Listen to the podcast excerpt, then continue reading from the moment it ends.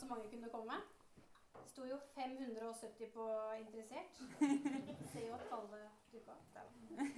I dag har vi et møte med tema gentrifisering.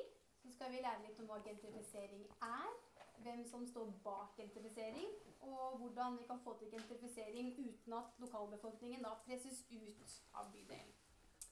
Så er det litt, Vi har kaffe og te der. Og så har vi kaffe, ja, kjeks og sånne ting. Og så er det dametoalett her og mannetoalett der.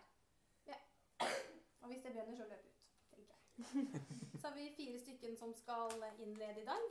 Og vi kommer til å være til ca. ni med mulighet for spørsmål etterpå. da. Så dere kan jo begynne med å introdusere dere selv. Starte med nummer én. Skal jeg bare si hvem jeg er, eller skal jeg starte etterpå? Tenker vi si hvem dere er fort, og så kan dere starte etterpå. Vet hvem som skal prate etterpå. Eh, Jeg er Audun. Jeg bor på Tøyen. Har bodd her siden 2011. Jeg er invitert eh, fra tidsskriftet Bytopia, eh, som ligger i dvale. Siste utgave var i 2015. Eh, Men det var et tidsskrift som skrev veldig mye om byutvikling. Prøvde å være kritisk tidsskrift om byutvikling. Og fordi byutvikling er samfunnsutvikling. Det krever at det er andre enn Obos og andre entreprenører som snakker om det.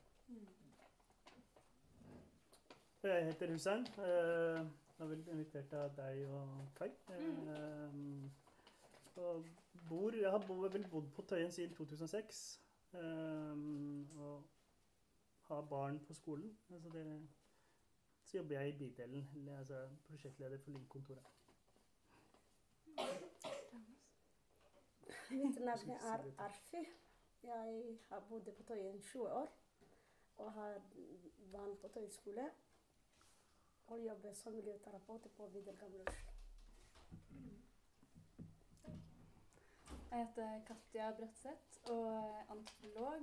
Og ble først kjent med Tøyen eh, gjennom stedsanalyse Tøyen i 2015. Og siden har jeg på en måte hengt ved stedet.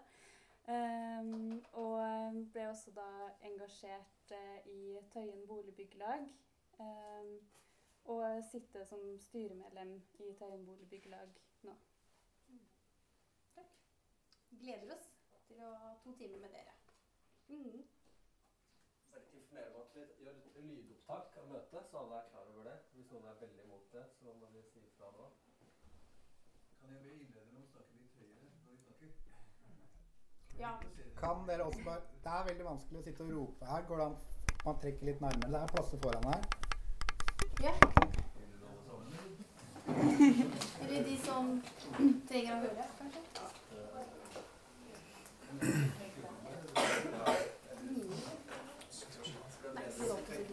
Ja, prøv å snakke høyt.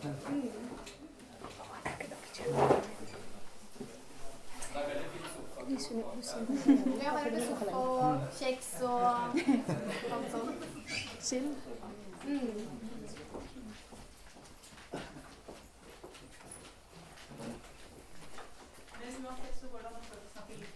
Ja, ja. Skal prøve. Som sagt så sparer vi spørsmål til slutt, så tar vi det etter at eh, innlederne er ferdig. Så da kan vi bare starte med deg, Audun. ja. Eh, Da skal jeg prøve å snakke høyt. Jeg er ikke så god på det. Jeg skal prøve. Eh, Jeg ble liksom spurt om å trekke de store linjene. Det har jeg tenkt å gjøre. Eh, bare starte sånn kort med dette gentrifiseringsbegrepet. Veldig mange har hørt det, men sånn, for de som ikke er helt sikre, så er det altså begrep som kommer fra det engelske begrepet gentry, altså lavhaden. Eh, samme ordet som i gentleman også. Altså det betyr overklasse. Og det handler om hvordan områder i byen går fra å være dominert av arbeiderklasse til å bli dominert av overklasse på et eller annet vis. Og det er noen korte forklaringer på hva det er. Jeg skal prøve å trekke liksom de store strukturene og snakke om kapitalisme, nyliberalisme, de store tingene, klasse, rase, disse tingene som vi merker på, og prøve å trekke det ned her på Tøyen. Eh, det som store greia er jo boligprisene. Boligprisene går opp, opp, opp. Jeg eide først én leilighet på Tøyen. Eh, på fire år så gikk den opp en million i verdi. Eh, og så kjøpte jeg en annen leilighet på Tøyen, og den har gått opp også en million i verdi siden jeg kjøpte den. Dette er jo Hva er det for slags penger? Hvor kommer de fra? Hvor kommer pengene fra, og hvor blir de av? Eh, altså, korte, korte svaret er pengene kommer fra banken, og de blir av i banken. Eh, ja, det ser vi egentlig greit hvis du ser på hva er det de store bankene tjener penger på. Det er boliglån. Dette er liksom strukturen. Det er, det er ganske enkelt, egentlig. Bankene tjener penger på boliglån. Og jo mer penger det er i boligmarkedet, jo mer penger er det å tjene. Det henger sammen med det sånn, Bankene tjener penger på rentemarginen, altså forskjellen på det de, det koster dem å ta inn penger, og det de kan låne dem ut for. Det er rentemarginen. Den renta de betaler, og den renta vi betaler. Og her, når renta er lav, så tjener bankene mer penger. For den rentemarginen er ganske lik. Men de kan låne Altså hvis renta er 18% sånn som den var på i 82, så er det veldig dyrt å låne penger. Da kan du nesten ikke låne noen ting. Når renta er liksom 2% så kan du låne mye mer penger. Men bankene tjener da, i stedet for at de tjener Da har jeg lov til å låne kanskje med 18 så kan du låne liksom 100 000. Nå kan du låne en million. Og da tjener de penger på en million i stedet for 100 000. Det er den, den enkle, enkle strukturen, og egentlig den største drivkraften bak det her. Det er, kommer fra finansnæringen. Det er de som tjener alle pengene. Og det er egentlig liksom det som skjer i hele verden. Liksom, egentlig fra 80-tallet. Med den her stadig finansialiseringen av hele samfunnet. Og det viktigste i finanskapitalismen, det er faktisk Dette er min påstand, da. Det kan diskuteres. Men jeg vil påstå at fast eiendom er egentlig liksom det som er varen for den moderne kapitalismen. Hvis du ser på industrikapitalismen, Fordismen, så var det bilen som man så på som var liksom drivkraften i all produksjon. Da så man på hvordan det gikk med bilen. Alle skulle ha bil. Og det var liksom den viktigste industrien var bil. For finansnæringen de har jo egentlig ikke noe ordentlig produkt. De har bare masse penger som de holder på med. Det det knytter seg til, er bolig og boliginvesteringer og spekulasjon på bolig. Du ser det på liksom finanskrisa. Finanskrisa 2008. Det var boligkrise i USA, det var boligkrise i Spania, det var boligkrise i Irland osv. Samme på 90-tallet så var det voldsomme investeringer i eiendom i de asiatiske tigrene som krasja økonomien igjen. Altså dette er liksom Det er du er, da. Det er den store, store strukturen med pengene her langt borte. Amerikanske investorer og norske investorer som skal tjene mest mulig penger, som driver boligprisene. Og boligprisene er det som driver gentrifiseringen. Dette er noen veldig korte og enkle linjer, men ganske forståelig. Det kommer da ned igjen på hvordan man ser på bolig. Ehm, jeg hadde egentlig tenkt å vise en video, men det tar litt for lang tid i forhold til hvor mye tid vi har. Men sånn veldig... Det kan vi jo dele på ja, det går an. arrangementet etterpå. Uh, det var egentlig bare en eksempelvideo, men det er, det er så veldig godt eksempel fordi eiendomsmeglerne hvordan de selger bolig. De selger ikke bolig på liksom Altså taksten og Før så handla det om takst og liksom hva, hva, hva det var liksom, Det er så stor, mange kvadrat og sånt nå. Det teller ikke lenger. De lager flotte videoer. De pakker det inn. De selger bolig som de selger Coca-Cola. Denne videoen så er det sånn Denne loftseiligheten gir assosiasjoner til New York. Filmer fra 80-tallet. Kunstnere med stort hår. Det får du med med leiligheten, åpenbart. altså, det er det de bruker for å selge leiligheter. Den der, De selger identitet. De selger livsstil når du kjøper en leilighet. Og selvfølgelig så gjør du jo det. Hvor du bor, har jævlig med å si for hvordan du lever. Men gjøres til en vare, til noe du skal liksom Det er en varifisering av å bo. Du har en boligkarriere. Hvor du skal stadig få bedre og bedre og bedre bolig.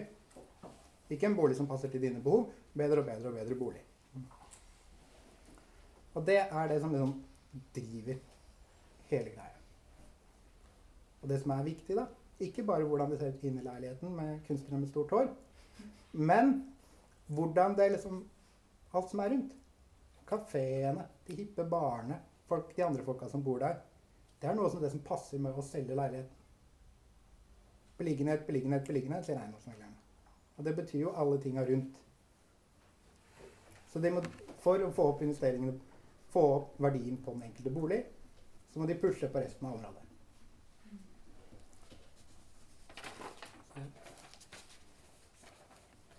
Det er det som skjer på Tøyen. På Tøyen torg. Der borte. Der. Postkontoret. Altså Jeg hadde en kamerat som han var syntes det var så fint med postkontoret. For han eide leilighet her. Det er så fint postkontoret, for det var jo gratis pizza. Han tjente jo penger på å gå og spise der. Fordi for hver krone han la igjen på postkontoret, som holdt liv i det stedet, så fikk han igjen det tidobbelte i økning i verdi på leiligheten. Det er den der Altså, det er ikke noe galt med postkontoret, men det er sånn det funker. Og det er det markedspresset som er liksom det som driver. Eh, veldig Altså, sånn tidlig gentrifisering på 80-tallet handla veldig mye om folk ble, Det var brutalt. Man reiv husene til folk. Det, altså, det skjer fortsatt. Andre steder Det er jo ja, vi skal snakke om Hagegata etterpå. Men hvordan folk bare kasta ut for å gjøre det rom for andre. Det er, det er den brutale varianten. Og den fins alltid i liksom altså, I København så er, de sånn, er det mer eller mindre offisiell politikk i visse bydeler at de skal uh, Jeg tror de kalte det befolkningskvalitet. Altså få ut de fattige folka, få inn noen som har mer penger. Uh, en uttalt politikk. uh, men i, stor grad så er det det myke markedspresset som driver altså. Uh, det gjør at boligene blir mer verdt, leieprisene går opp. I Oslo så er jo liksom Grünerløkka det sånn premieeksempelet på gentrifisering. Alle skjønner det når du snakker om Da hadde du liksom den klassiske arbeiderklassen som dominerte Grünerløkka. Og så kom de unge hippe studentene, kunstnerne, dreiv sakte opp prisene. Nå er det svindyrt å bo på Grünerløkka. Og du har en helt annen befolkningssammensetning. Tøyen er litt annerledes, for Tøyen er ikke nå som vi får dette presset. Tøyen er mye mer en transittbydel for alle som bor her. Folk flytter inn og ut hele tiden.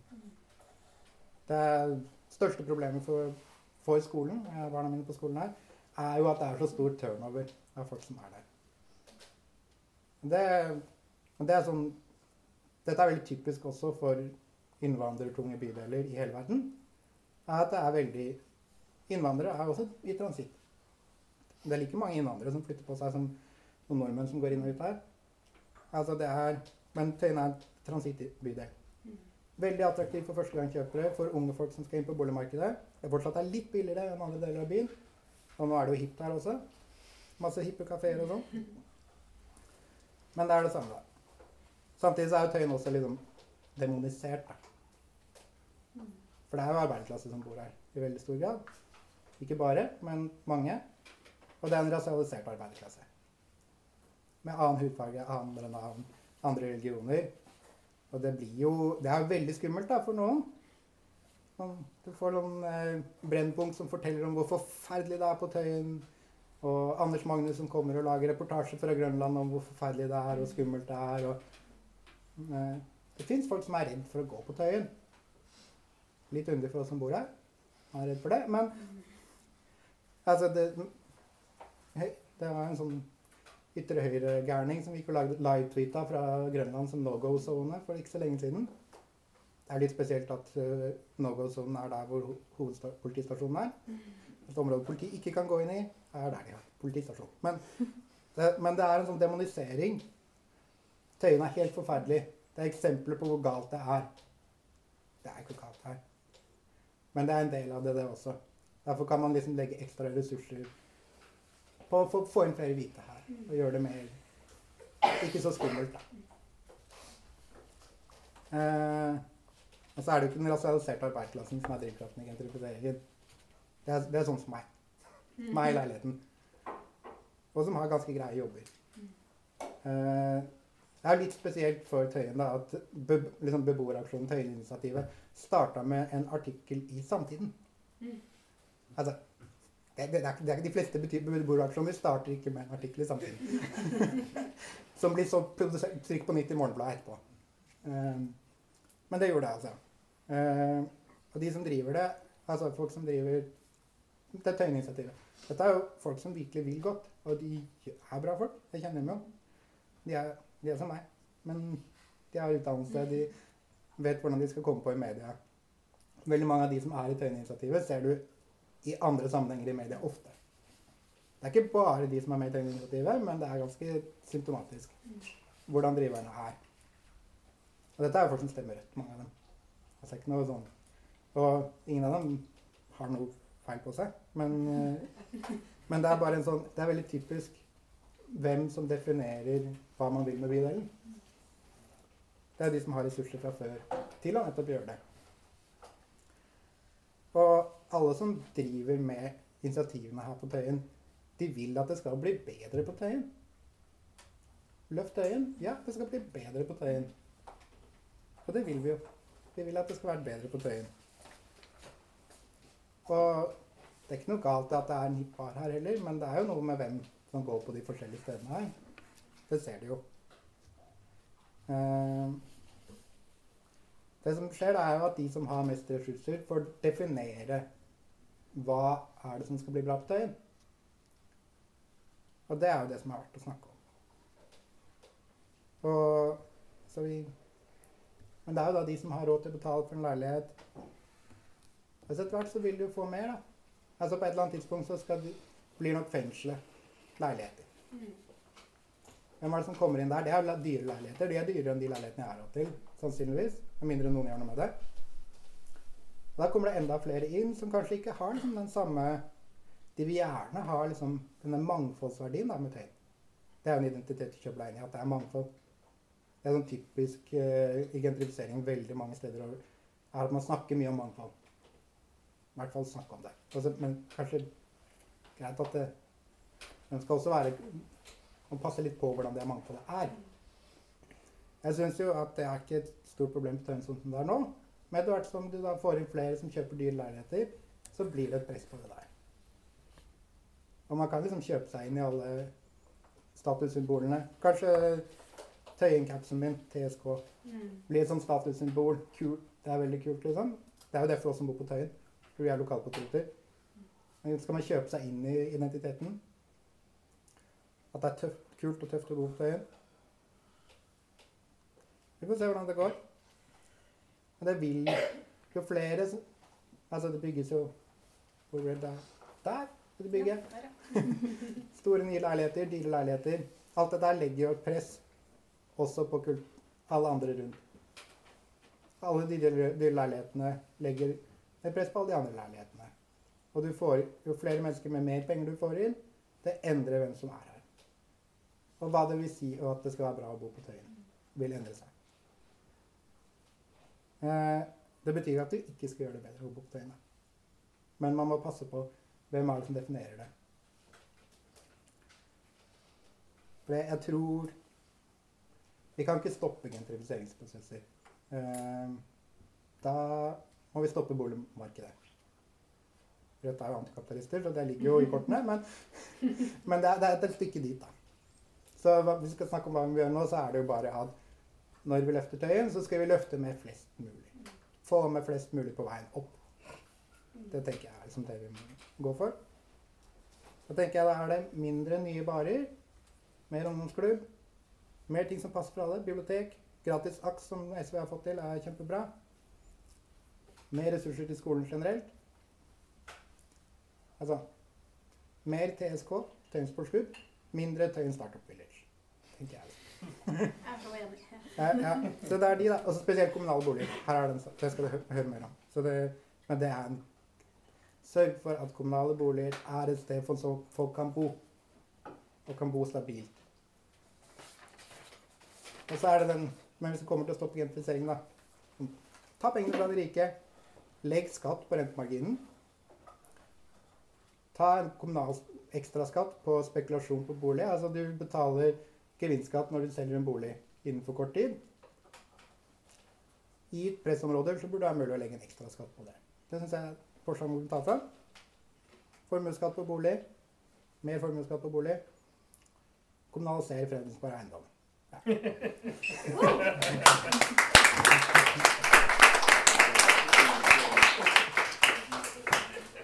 sterk avslutning. Støtter alt. Ja. Ja, men takk for uh, Lærte noe nytt i dag Uh, fra hoved... Uh, og hvordan det funker med genifisering. Um, uh, jeg vil gjerne bare ta Jeg vil bare si litt grann egentlig hvem jeg er, sånn at dere kanskje flest vet hvem jeg er. Uh, jeg heter Hussein. Uh, jobber i Link-kontoret. For de som, dere som ikke vet Link-kontoret, er sånn en drop-in-tjeneste hvor vi hjelper folk som muligens kan bli gentrifisert. Det jeg vil si Folk kommer inn med forskjellige utfordringer eh, og, og spør oss om eh, koble tjenester mot mennesker. Eh, skrive klagebrev, bl.a. Altså, altså vi hjelper i forskjellige språk. Eh, men jeg var også det- en av de som starta Tøyen sportsklubb og var nestformann eh, frem til april i år. Eh, og hovedgrunnen til vi starta der, var fordi det var rett og slett ikke noe aktiviteter for eh, barn uh, som er her. Uh, jo, vi har Vålerenga der borte, men uh, ellers Derfor har det gått veldig mye feil for generasjonen, eller ungdommene i dag. for de hadde ikke tilgang til aktiviteter. Jeg er også med i mange andre altså organisasjoner som jeg sitter som nestformann eller styremedlem eller Men det jeg kan mye om, er Eller det jeg kan si mye om, er bolig og hva det egentlig gjør med folk som meg. Eh, hvordan kanskje gentifiseringa påvirker meg, kanskje. Eh, det kan jeg kanskje si litt om. Eh, altså Jeg kan bare si at det, av alle som sitter her, så er det kanskje jeg som har mest eh, Altså rett og slett ønske om stabilitet, da. For de av dere som ikke vet hva ustabilitet eh, betyr. Eh, og, eh, og så trenger jeg det aller mest. Eh, ja, for meg personlig eh, Jeg kan si litt om hva jeg, sliter da, med, med både person og som miljø. Eh, og det er jo utenforskap. Det kan være at jeg flytter sykt mye. Og eh, kan bety at jeg betaler under bord når det kommer til leie av boliger og osv.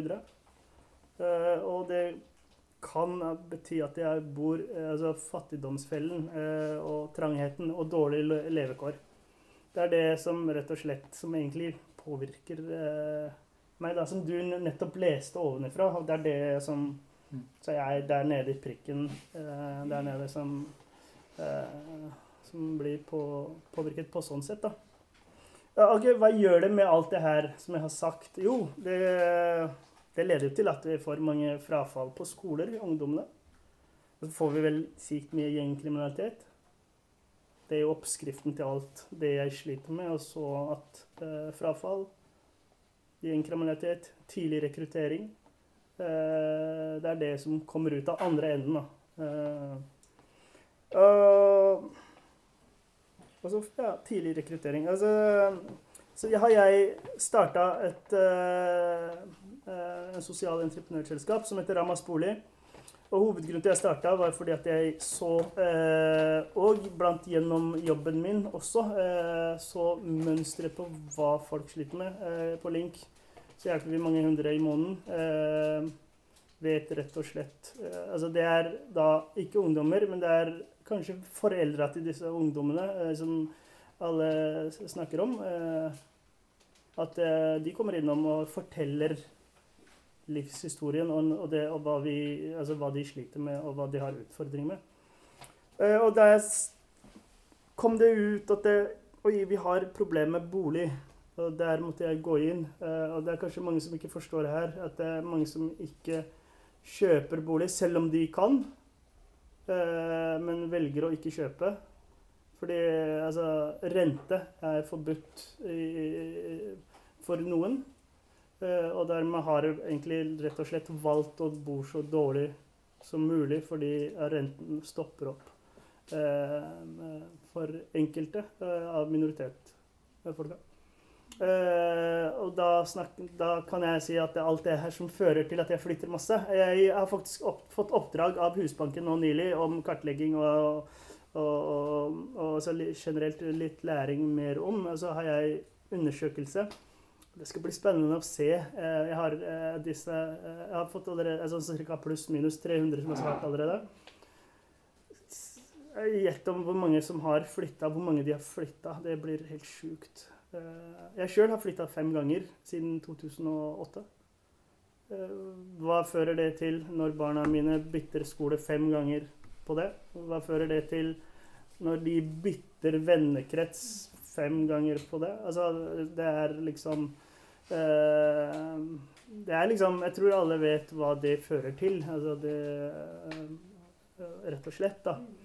Eh, altså, Ramas bolig er jo et altså, som eh, sosialentreprenørselskap som skal finne en metode eller en ny løsning som også fins i resten av Europa, eh, altså mange land i Europa. Eh, Bl.a. Tyskland, eh, England eh, og, og, og mange andre. Frankrike osv. Og det kan være f.eks. leie til leie. Det kan være en, en annen form for å ta lån, som fins i EU-landene. Eh, og de har også fått inn det problemstillinga vi snakker om nå, at, at de, de landene tillot eh, denne modellen, enten leie til leie eller andre metoder, eh, har også ført til at folk kommer og er med på eh, både verdistigning, men også ikke minst arv for sine barn. Og, altså det har betalt sikkert noen millioner i bare husleie gjennom åra, versus en som eier og har betalt sitt. Eh, eh, så det er rett og slett en, eh, en ting som jeg mener man, man må ta det seriøst. Boligfelt, eh, altså boligpolitikken jeg, jeg vet ikke hva jeg kan si, men eh, Rødt og alle partier bør For det er ting Boligproblematikken har liksom ikke blitt tema. Skatt har vi vært, og Vegvesenet altså Det er viktige, de òg, men altså, altså, bolig har vi liksom aldri løftet, da, som og, og så tenker jeg på for jeg ser jo Det er mange unge her som har, eh, sitter her, og som kanskje har barn i framtida. Altså hvis da ikke har gode råd, altså foreldra stiller opp med kapitalen, eller besteforeldra stiller med kapitalen, hvordan skal de barna Hva er egentlig verdien til boligen om 20-30 år for barna våre og, og, og fremtidige? Hvordan Altså, det må til et eller annet i boligfeltet eh, som eh, kan regulere de kapitalene som du, folka som du snakka om. Eh, det, det må komme et eller annet. Eh, Sverige har en veldig bra eh, boligpolitikk, eh, mener jeg, da. Det er sikkert utfordringer der òg, men, men det er liksom at de har mye mer stabilere. Det er rimeligere leie. Altså, det altså Du får mer mulighet. Så men, jeg mener bolig mm, Håper også Rødt tar det virkelig seriøst eh, og, og, og ser at, som du sa, det påvirker det kapitalet er investeringer Altså, ja, det er, mye- det er jo gått sykt mye opp i pris her fordi områdeløftet har kommet. eh, det har blitt hipster, eh, og det har blitt Altså, prisen har gått sykt høyt. for min del så kunne jeg aldri ha kjøpt egentlig her, jeg, for å være ærlig. Jeg måtte sikkert langt ute Akershus, Østfold for, Eller i hvert fall utafor området her, da. Og det er ikke noe sikkert galt å gå ut, men, eh, men jeg mener det, det, blir, det blir bare dyrere og, og dyrere. Og, og så er det hvor er det, når stopper det, hvor stopper det? Altså hva gjør det med, med dere også som mennesker i framtid? Hva gjør det for, ja, altså for de av dere som har barn? Eh, en dag er ferdig utdanna, hvordan skal de komme seg inn i marked? Eh, for jeg, jeg har ikke noe mors, altså økonomisk sterk mor som kan komme her og legge penger på bordet her, sånn at jeg kan få innpass i bolig. Eh, så det mener Ja. Det var eh, litt rett og slett om altså bolig og Så kan du kanskje ta litt spørsmål etterpå. Ja, Kan klappe.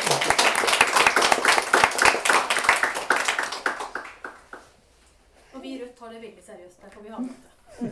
Eh, jeg håper handling og, og seriøst. Det er viktig for Det er det vi driver med. Yes. Mm. Tusen takk. Ja.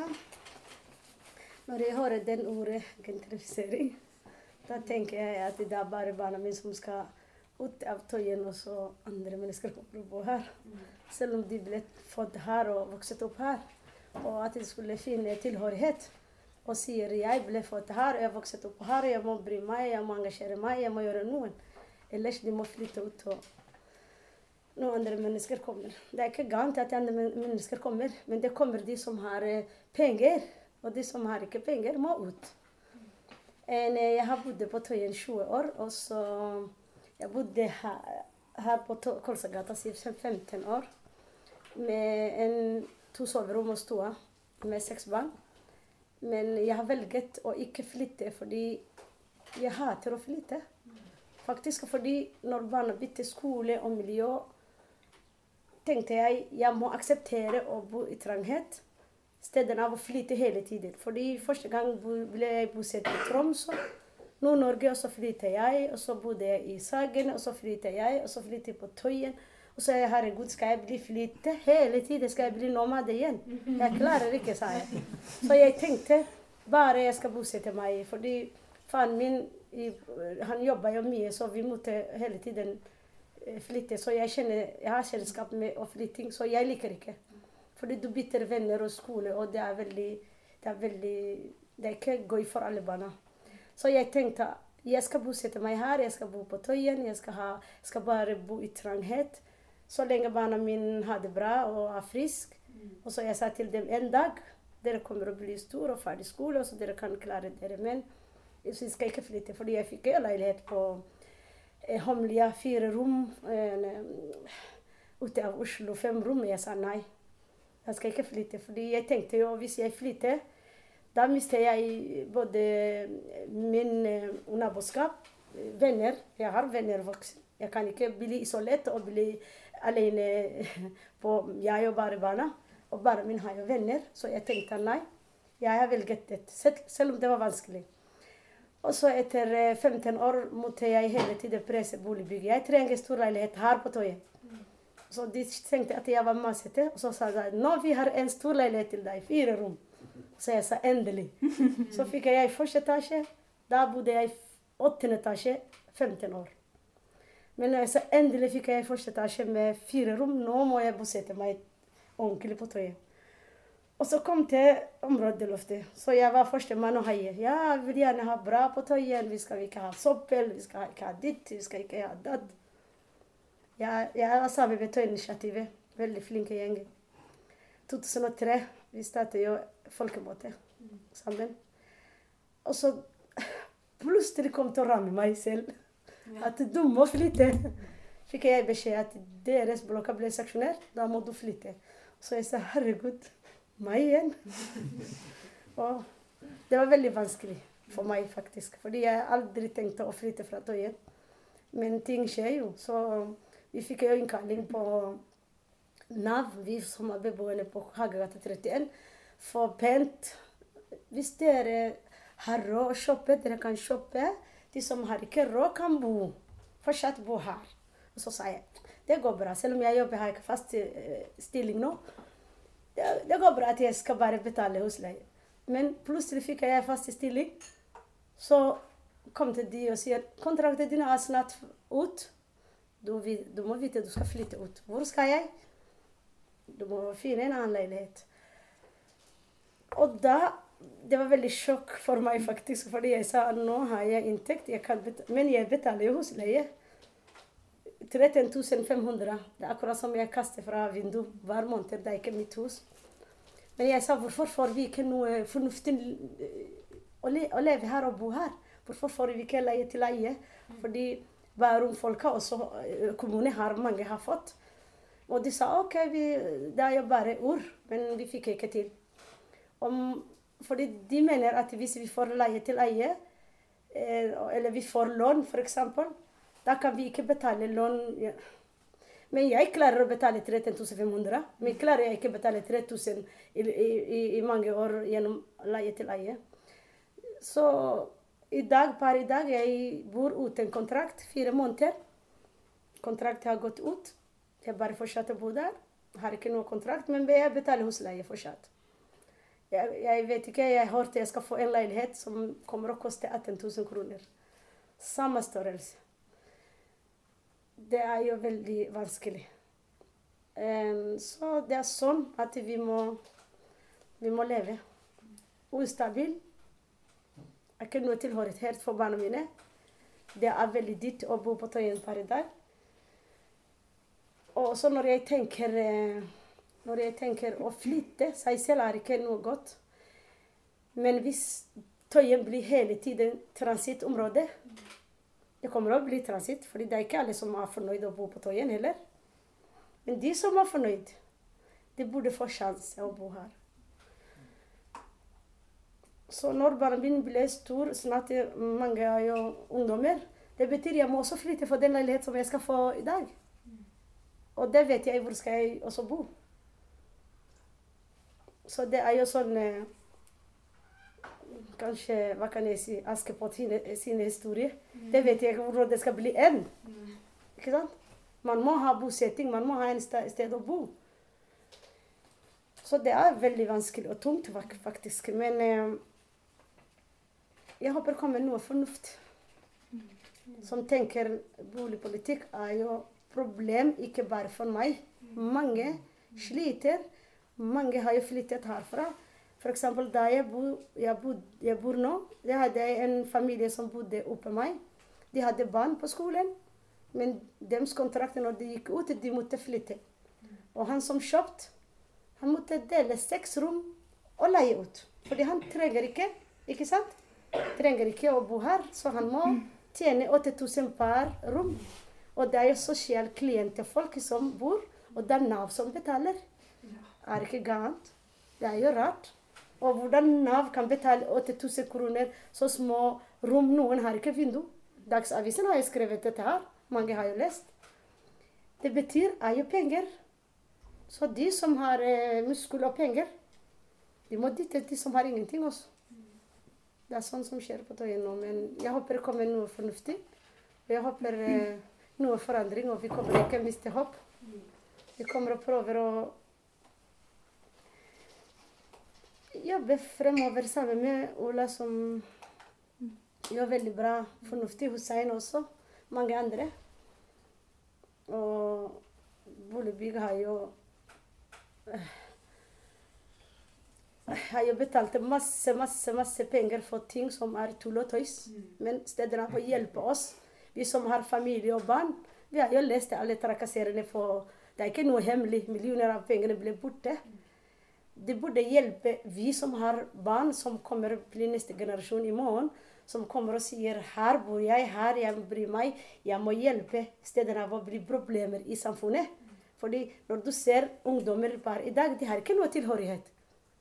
Hvis du spør jeg, jeg vet ikke, jeg er fra, jeg er fra Stovner, jeg vet ikke, jeg er fra der. Fordi kanskje hele hans liv, han er 20 år, så kanskje han har flyttet fem ganger i forskjellige bydel. Så han har ikke noe tilhørighet, selv om han ble født på Oslo.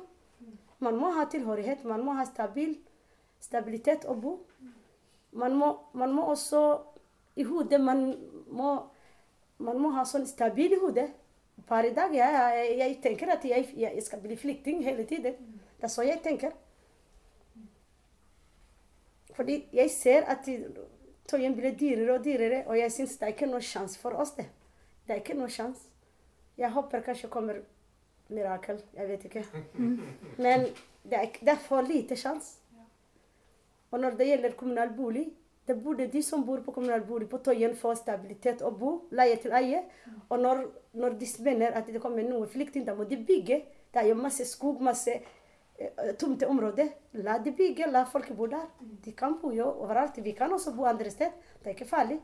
Men jeg mener, for å ødelegge for mennesker, og så sier jeg skal gi mulighet til andre mennesker, det er jo Det er ikke noe, det er ikke noe vis. Men jeg tror ikke at Jeg tror ikke at noen bryr seg for mye for barn og familie, som trenger egentlig stabilitet. Fordi det ødelegger jo F.eks. når dattera min minister av barna, når hun hørte at vi skal flytte Jeg snakka med noen på telefon. 'Hvorfor, mamma, skal vi flytte?' Men jeg sa til henne ja, kanskje vi kommer ikke flytte. Jeg må, jeg må ljuge på en annen måte. Fordi jeg må, jeg må roe henne ned. Fordi jeg vil ikke ødelegge datteren min på, på den bullshit-greia. Så jeg måtte sa til henne roe deg ned, vær så snill. Mamma, skal jeg flytte? Skal jeg bytte venner? Skal jeg bytte skole? Jeg vil ikke flytte. Og hvorfor må vi flytte? Jeg har ikke noe svar.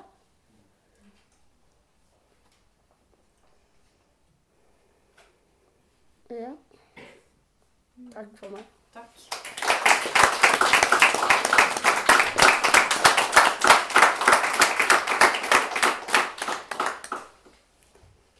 Ja. Eh, det var jo mange av de her eh, lignende historiene som vi hørte eh, da um, jeg var med og Ole satt i gang Ole Pedersen her fra nedenfra satte i gang Bo på Tøyen ti år til og holdt verksted og Tøyen boligkonferanse i eh, 2016.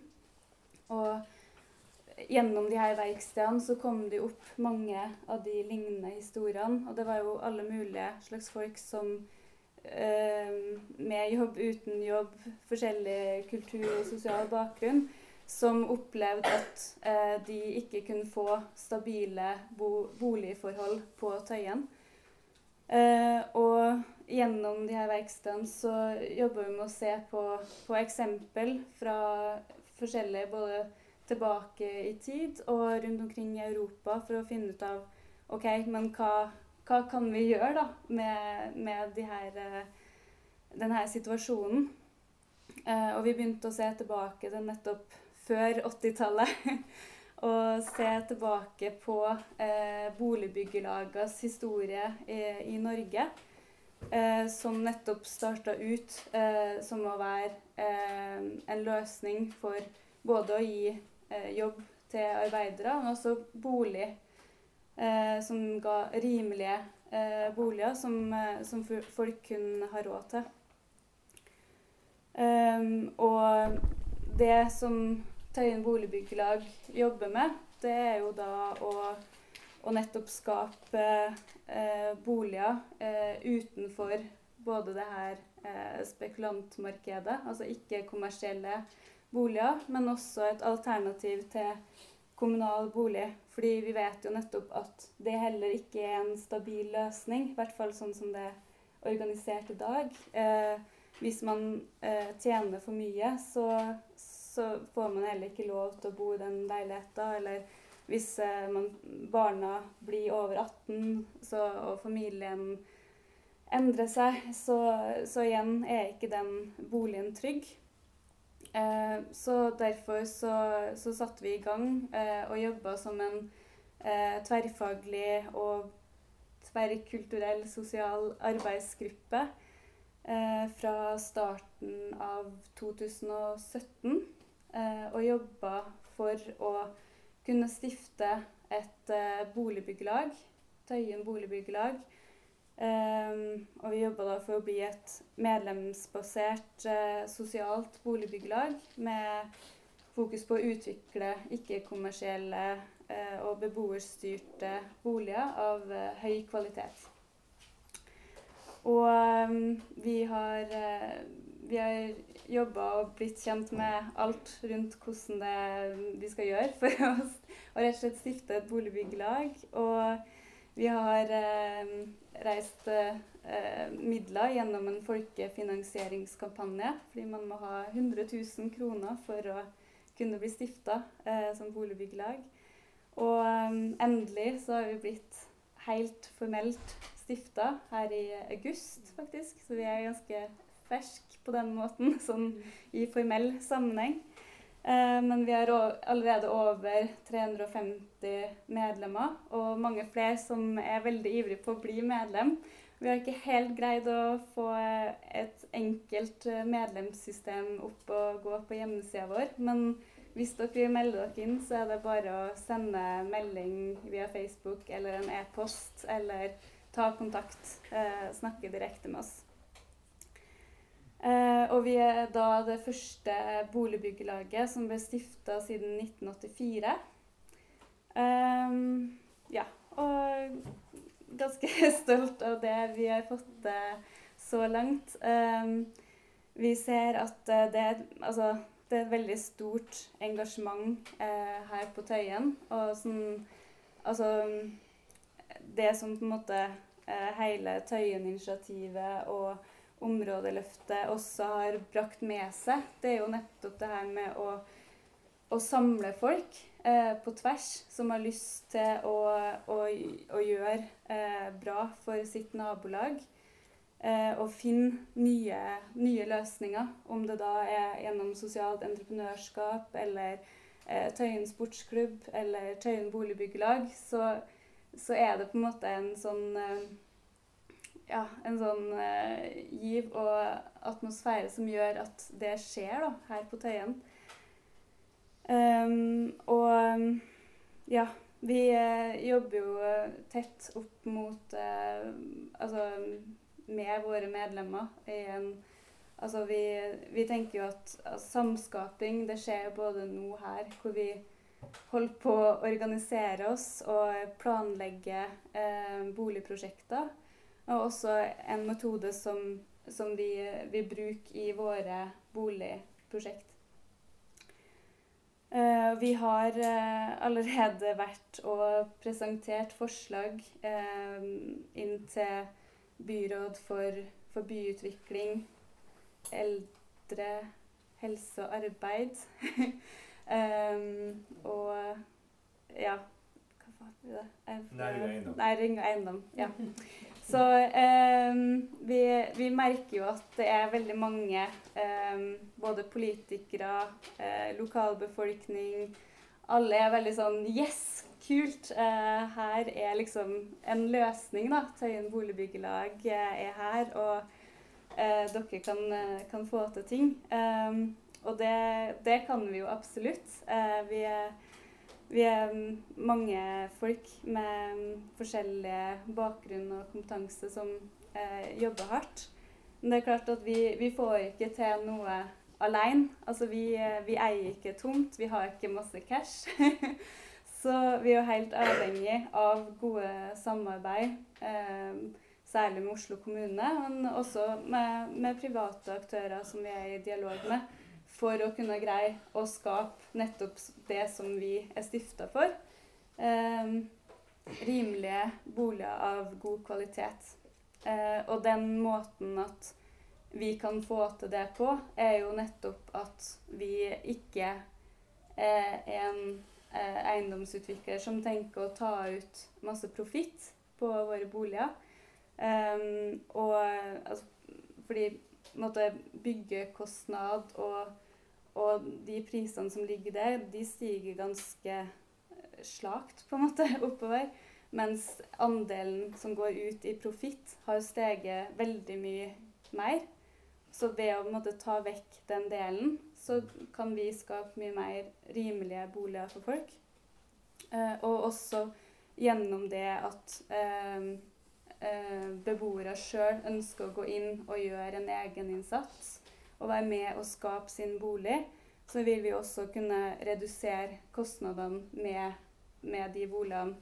Hvis vi ser på an, altså, tidligere lignende prosjekter, så vil det utgjøre 15-30% i mindre kostnad fordi man legger inn den egeninnsatsen.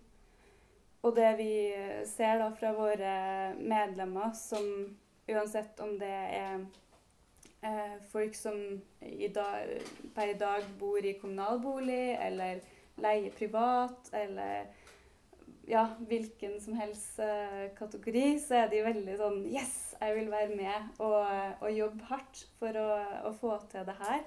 Og det er sånn, det er sånn kjempegod eh, følelse, da. At fordi vi har gått sammen og jobba sammen for det her, så, så kan vi få til ting. Men igjen, vi er jo veldig avhengig av å ha flere å spille på lag med. Så um, vi håper jo at det er mange her som, som vil uh, spille på lag med oss. Mm. Det er det.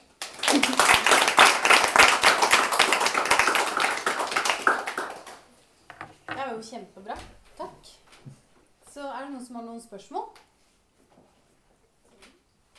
Ja. Eh, det er juks, for jeg har egentlig ikke et spørsmål. Men jeg hadde lyst til å informere om noe. Ja. Eh, ja. Eh, det, sånn er det på alle møter.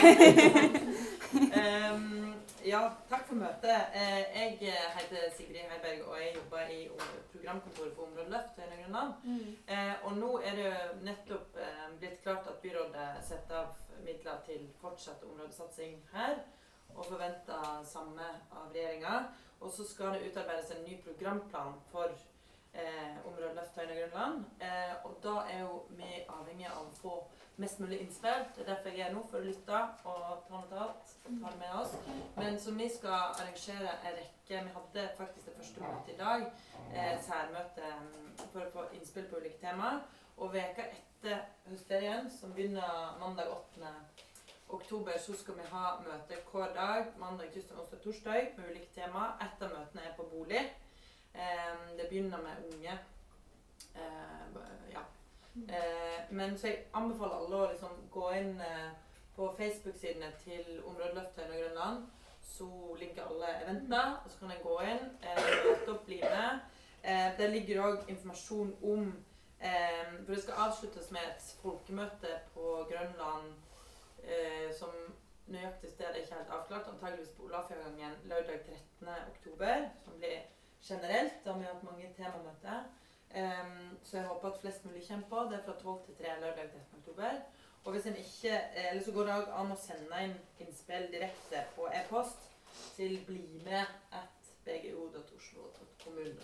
Mm. Så jeg håper at liksom, eh, ja, folk som er her nå og sprer ordet om at da For den programplanen er veldig viktig. Det er den som på en måte setter mål og, og, og prioriteringer for det, som skal, eh, det arbeidet som skal skje i områdeløft i tida fremover. Og så er det sånn, sånn at områdeløft kan ikke løse alle problemer i boligsektor eller noen andre problem, men det er jo en måte å, eh, å få inn innspillene sine på.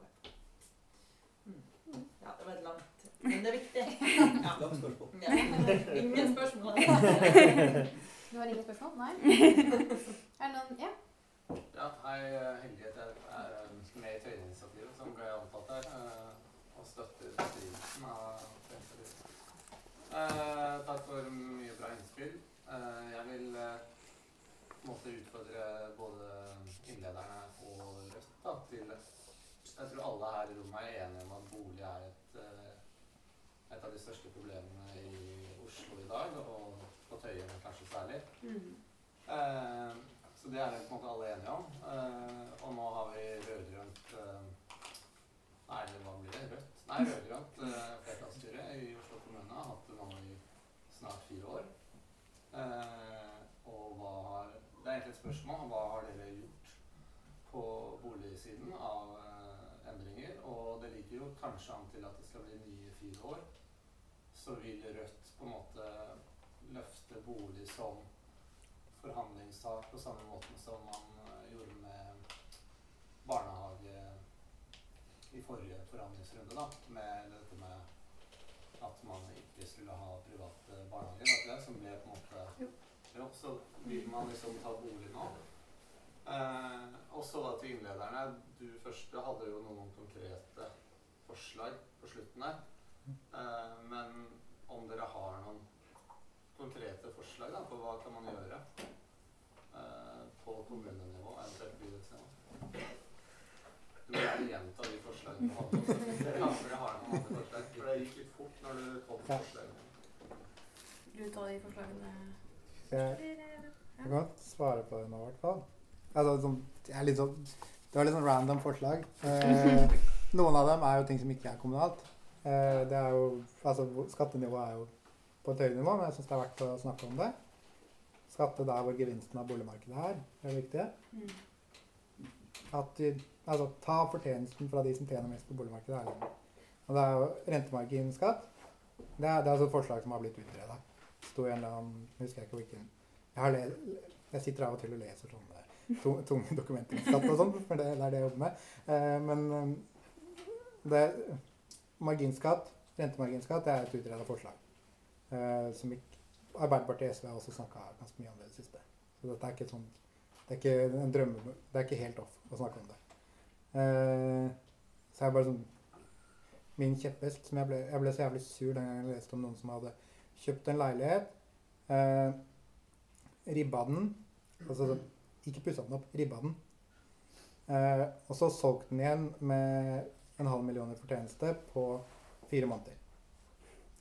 Jeg tenker sånn, Det, der, det er jo helt absurd. Eh, altså, og Derfor må de jo betale denne her gevinstskatten på, på det de har tjent.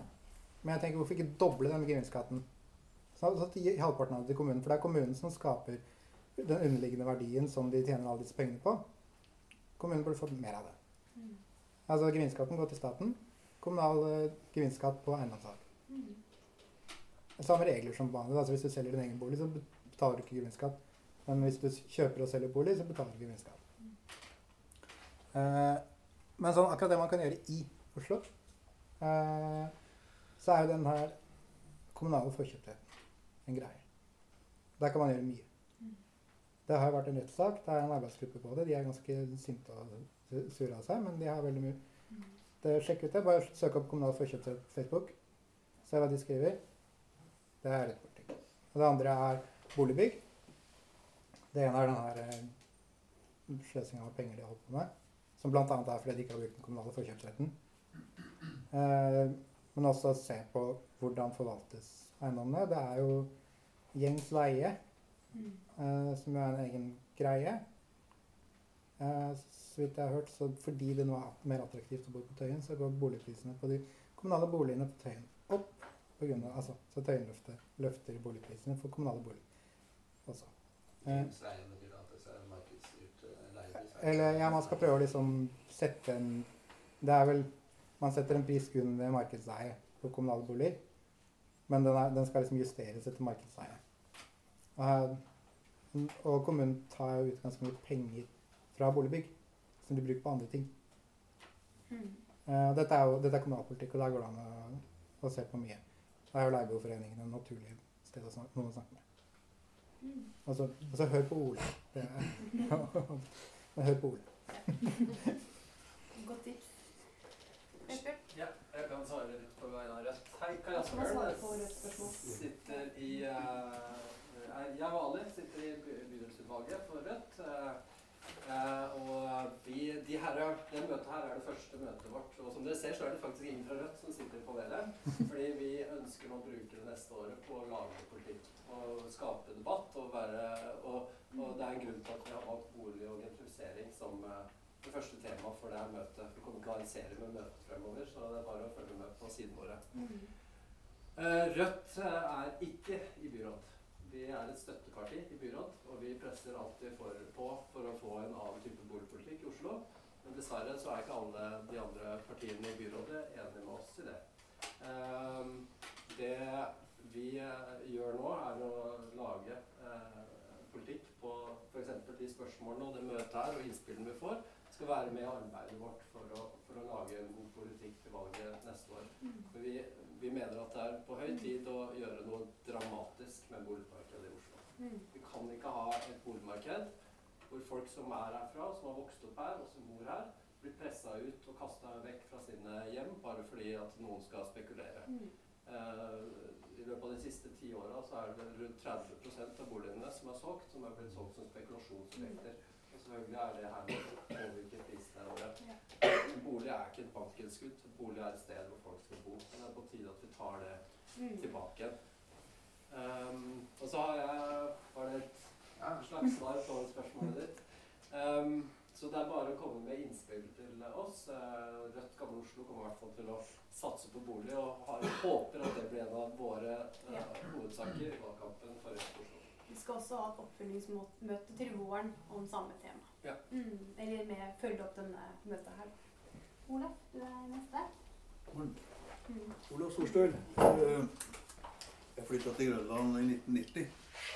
Og sitter i bydelsutvalgssammenheng fra 1991. Du blir gammel nå. Eh, Så det har vært litt eh, forskjellige programmer som vi er blitt laget her. Men først i forhold til spørsmålet som ble stilt i forhold til Rødt. Det, er slik at det i den avtalen som ble gjort mellom byrådet og Rødt husker ikke hvilken dato det var, men bare gå inn på nettet, så finner dere det. Så ble det slått fast at man ønska å bygge flere boliger til utleie. Og i, i fjor var det vel, så ble det etter forslag fra Rødt satt av 50 millioner kroner til prosjekter med leie til eie.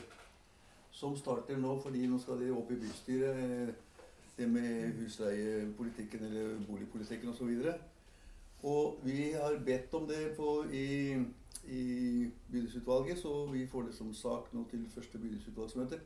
Vi fikk papirene i dag, så jeg vet ikke hva de har skrevet for noe der. Men vi skal i hvert fall se det var vi som, vi som har foreslått det skulle tas opp, og da får vi se på det.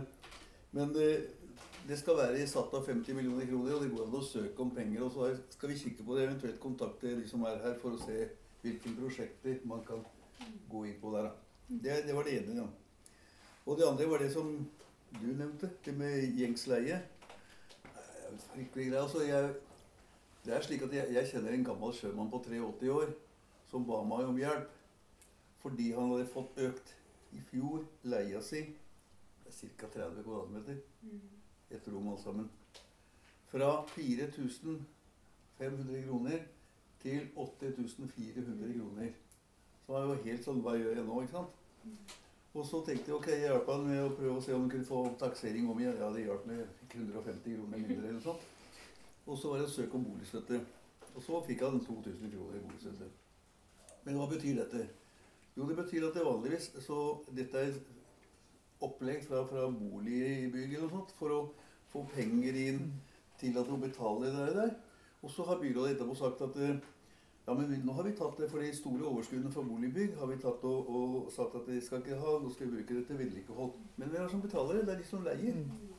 De som leier det. Og i fjor, senest i fjor, jeg tror året før òg, så foreslo Rødt i forbindelse med budsjettbehandlinga i bystyret om å gå vekk fra bo, eh, gjengsleie, for det er markedsleie. Og det, de folka som i dag får tilgang der, folk som ikke har så mye penger. Og det er litt om derfor de bor der. ikke sant? Men det ble nedstemt av samtlige partier. Og likevel så var det en kjent eh, SV-politiker som heter Ivar Johansen, som går på Facebook og går imot gjengsleie. Og så skrev jeg ja, men du stemte jo mot forslaget vårt. Nei, men det, for, det var fordi de, de satt i byrådet. Ja, hallo? Og hva så? Går ikke an å ha en mening for det? Eh, sånn at det, det er litt viktig der med gjengsleie. Og det har jeg tenkt at vi skal bruke veldig mye greier på i forhold til Rødt. Og også fortsette det prosjektet der. For det prosjektet med Man skal vinne en del erfaringer for det med leie til eie, ei, nei, leie til eierhus. Det var nå det, da. Eh, så det er med det prinsipielle, da. Gentifisering. Så det var ikke Man ønsker å øke, eh, forbedre situasjonen for folk i et område. Og så eh, Hvordan kan man gjøre det uten at man fører til gentifisering? I hvert fall ikke til full gentifisering. Ja, det, det er greit nok at det flytter noen som har litt penger der, og så videre og så videre, og så, men eh, at det skal bli bedre for de som bor der. og ikke, Det, det husker jeg at vi hadde, faktisk fikk et vedtak i bydelsutvalget i sin tid på at vi skulle forbedre forholdene for de som bor her. Og ikke skifte ut befolkningen sånn at det forholdet skulle bli bedre for de som kom inn. Så det, det er litt viktig. Veldig viktig. Og jeg ber om, akkurat som eh, Kai Asbjørn gjorde, send inn forslag til Rødt Gamle Oslo om saker og ting. Ikke bare det med bolig, men alt det dere vil. Som kan stå på lokalprogrammet vårt. For det, det er bolig, andre situasjoner. Fordi tusen øyne ser bedre enn fem. Det er noe, det. Eh, så det, det, er, det, er, det er en viktig sak å få til eh, en eh, forbedring av boforholdene uten at det må skifte ut befolkninga. Hvordan vi gjør det. Da tror jeg det er veldig viktig at det, folk som bor her, eller initiativene som var, og alt det der, det er en veldig bra start, og man kan fortsette med det. Fordi uten presset utenfra så skjer ingenting. Det er det ene. Det andre er det med, med demokrati. Skal jeg slutte nå? Ja, det ja. Fordi det er en parkeringsplass bak her som eh, I fjor så kom det til bydelsutvalget etter at Tøyenrådet hadde behandla det. Og enstemmig foreslo at de ikke skulle bygge der, for å ha litt grønt område osv. Eller så skygger det. Så kommer det til bydelsutvalget. Demokrati. De skal følge innstilling derfra. Hvem stemte sammen med Tøyenrådet i fjor? Det var vi i Rødt. Eneste parti. Eneste parti, det var, det var en uavhengig som etterpå ble med i Rødt. Så, at det, det, og nå kom SV, har jeg forstått. Og etter et år tenkning så har de funnet ut at det var riktig. Så, men så presenteres det som at det var de som har gått i kampen her. Hallo! Men som sagt, dere, alle som bor her, det er de som er de viktige. Og det er dere som skal gi oss. Vi skal bare representere befolkninga. Takk. Ja. Har vi deg?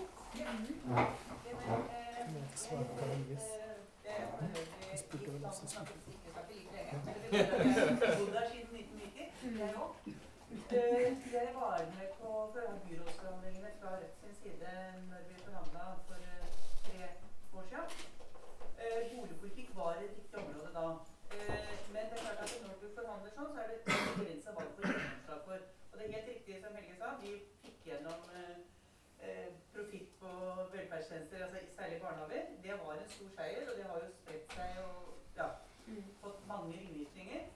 Eh, vi slåss på boligpolitikken, men vi fikk ikke for det. Men jeg tenker jo at det er to ting som særlig peker seg peker bolig. Det er det med gjengs leie, og det er det med stabilitet. Altså barnefamiliene må få lov å bli boende, rett og slett. Altså Det er helt avgjørende. Vi bor på Grønland, og det er akkurat det samme problematikken på Grønland og Tøyen. Altså Det er ett område. Det er samme. Val skole har landets høyeste turnover når det gjelder elever. Altså De bytter ut elevene fordi de flytter. Fordi barnefamiliene bor i kommunale boliger, og de flytter og de flytter og de flytter. Det er en katastrofe for oppvekstmiljøet, og det er en katastrofe for skolen, og det er en katastrofe for alle som bor her. For det skaper ustabilitet og, og vanskelig å få, ja, få til ting. fordi at de som du jobbet sammen med for halvt år siden, det er borte neste dag. Liksom, sånn, ja. Så jeg tenker at Rødt må ha to ting som vi virkelig skal slåss for, og i hvert fall jeg vil slåss for at vi skal gjøre det. Det er å få ned husleia, gjengs leie. Og så er det å få la barnefamiliene bo, altså endre reglene på kommunale boliger. Og det med gjengs leie, det burde være mulig. fordi at alle som bor i kommunale boliger, de har ofte har dårlig råd. Og de må få bostøtte for å betale denne høye husleia. Så det er ikke noe billigere for kommunen eller staten. Offentlig bruker jo like mye penger så de bare tar inn med den ene hånda, og så tar de ut med den andre hånda. Det er helt meningsløst. Og så skaper de byråkratiske arbeidsplasser. I stedet så kunne folk fått en rimelig leie, fått mulighet til å legge seg opp penger, og kanskje til å kjøpe boligen de eier. Altså, ikke sant? Det er fullt mulig uten at det koster det offentlige mer. Det tenker jeg må være en av fanesakene våre til neste år. i valget. Ali? Eh, ja. Altså, det Ja, som sagt Skal jeg reise meg? Ja, ja. Det er det man har definert som ganske fersk i bydelsutvalget. Har representert Rødt siden 2015. Og altså det jeg kan si, da, etter å ha vært i bydelsutvalget innen eh, lokalpolitikken i tre år Altså det at eh, jeg føler at hver gang de sakene som får gjennomslag av andre partier, er vi må få en oversikt. Vi ber administrasjonen å komme med en oversikt. Og så Det syns jeg er altså helt i hodet, for det er helt tydelig hva over, overs, uh, Vi trenger ikke noe oversikt, for vi vet hvordan det er her. Og så tenk, altså, Da blir det brukt flere eh, penger på altså, konsulentvirksomhet og alt det der bare for å lage en papir på eh, 50 sider som ikke akkurat gir noe aha-opplevelse, fordi vi alle vet hvordan det er her. Så det er, Og det er derfor jeg ønsker at uh, dersom man har noen på hjertet altså, Dette er saker som jeg hadde så virkelig lyst til at folk skulle komme på åpen halvtime og snakke om. For i dag kan dere være vitne til hvordan de andre politiske partiene oppfører seg. Mm. Mm. Mm. Um, ja. Um, jeg heter Ola, Ole og tenkte jeg skulle, skulle si noe siden, siden um, litt, uh, litt uh, uh, pinlig, pinlig, pinlig berørt, men siden det ble, ble oppfordra til, til å høre uh, på, på Vesker. Så har jeg noen litt konkrete forslag i og for seg. Uh, men men det er først å si noe om dette med gentrifisering. For, for jeg tenker at det er jo veldig Uh, i og for seg interessant og, og veldig riktig at det er en debatt om gentrifisering blir til en debatt om bolig. Eh, eksempel, for det er selvsagt helt riktig det som, eh, som har blitt sagt der, at, eh, at det bolig eh, gentrifisering egentlig handler om. Og, og så er dette et begrep som eh, kan være litt vagt mange. Hva, hva handler gentrifisering om? Og det blir jo også sagt i, i innledningen her, kan man ha en gentrifisering som ikke fortrenger folk, eh, eller noe sånt.